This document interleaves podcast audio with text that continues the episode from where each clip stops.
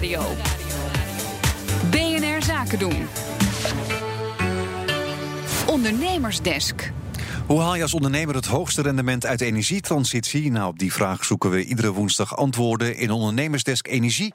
Met Conor Klerks en uh, met vandaag een revolutionaire techniek voor warmteopslag. Hoe zit het in elkaar, Conor? Nou, ik zag een uh, hele toffe ontwikkeling voorbij komen. En het is in Nederland, want de TNO heeft samen met de TU in Eindhoven een warmtebatterij ontwikkeld. En die is ongeveer zo groot als een tafelmodel koelkast. Die kan veel meer energie opslaan dan eh, de, de bestaande oplossingen die we nu hebben. En tegen lagere kosten. Dus ja, dat vond ik wel interessant. Dus ik ben erover gaan bellen met Olaf Adan.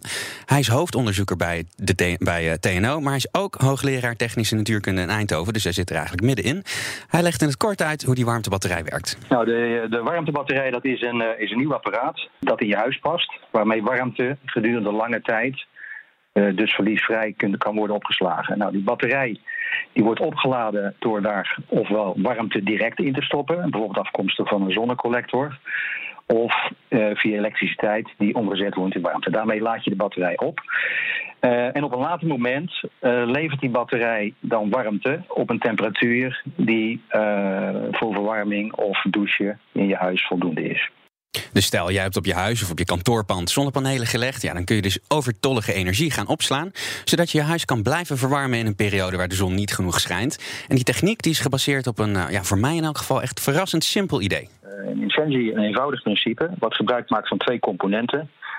Er zijn de zout- en waterdamp. Uh, als dat zout en die waterdamp bij elkaar worden gebracht, dat noem je het ontladen, dan komt er warmte vrij.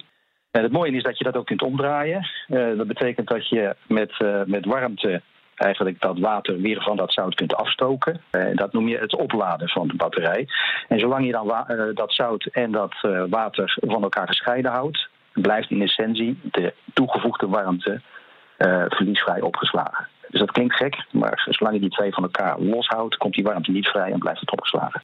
Ja, die verliesvrije opslag en het kleine formaat die zijn er echt heel belangrijk voor. Als we het even afzetten tegen de courante systemen hè, voor opslag van energie in je huis, water en elektriciteit, elektrische opslag. Verliesvrij warmte omslaan uh, in, uh, in water heeft het grote nadeel dat dat water afkoelt. Dus langere periodes kun je daarmee niet overbruggen. Uh, het tweede is veel energie in een klein volume.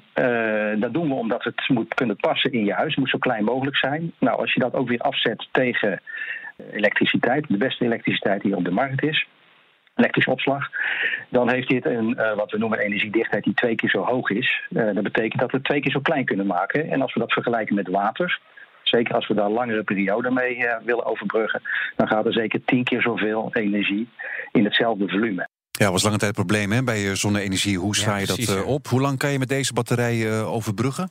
Nou, als we even als rekenvoorbeeld kijken naar een uh, huis, dus met een doorsnee gezin. En een warmtebatterij die dus zo groot is uh, zoals een, een, tafelmodel koelkast. Ja, dan kun je twee weken overbruggen. En dat is precies de periode die je eigenlijk nodig hebt. Want zo lang heb je doorgaans in Nederland onvoldoende wind en zon om die warmte te leveren. Ja, dan zijn die kosten van zo'n batterij die zijn tussen de 3.000 en de 6.000 euro. Dus vergeleken met de, eh, de oplossingen die er nu zijn voor elektrische opslag, is dat ook nog best wel goedkoop. En waar ik echt van stond te kijken is de levensduur van die batterij. Want je kan hem minimaal 250 keer uh, op- en ontladen. Dan denk je, hm, is dat veel? Maar volgens uh, Olaf Adan heb je hem maar eens per maand doorgaans nodig. Dus zo'n batterij zou eigenlijk makkelijk 20 tot 25 jaar mee moeten gaan. Ja, goed voor huishoudens dus. Maar wat hebben ondernemers eraan? Ja, het mooie is, de techniek van deze warmtebatterij die is heel makkelijk opschaalbaar. Want het onderzoek richtte zich op zo klein mogelijk. In dit geval keken ze dus naar huishoudens. Maar het kan dus makkelijk ook veel groter. In essentie is het systeem heel makkelijk op te schalen. Bijvoorbeeld voor gebruik in appartementen of uh, in woningblokken. Dus de opschaalbaarheid van dit systeem is, uh, is heel erg eenvoudig. Als u praat over andersoortige toepassingen, dus de, niet voor uh, verwarming en voor douchen. Dan betekent dat dat je naar andersoortige zouten gaat. Dat wordt in de industrie al gedaan, maar dat gaat over veel hogere temperaturen. Ja, het ligt dus uh, voor de hand dat je dit type warmtebatterij ook prima kunt gaan gebruiken voor de verwarming van bijvoorbeeld een kantoorpand. Want ze kijken ook al naar appartementengebouwen en flatgebouwen. Al moet je dan dus wel denken aan iets groter dan een koelkast. Oké, okay, Conor, dankjewel. Morgen weer weer, hè? Ja, zeker. Morgen ga ik in uh, gesprek met Taco Carrier. Hij is medeoprichter van Van Moof. En het gaat over één zakentrip waarna het hele bedrijf op de schop moest. Oké, okay, we horen morgen. Dankjewel. De Ondernemersdesk Energie wordt mede mogelijk gemaakt door Enpuls. Enpuls. Baanbrekende ideeën voor de energietransitie.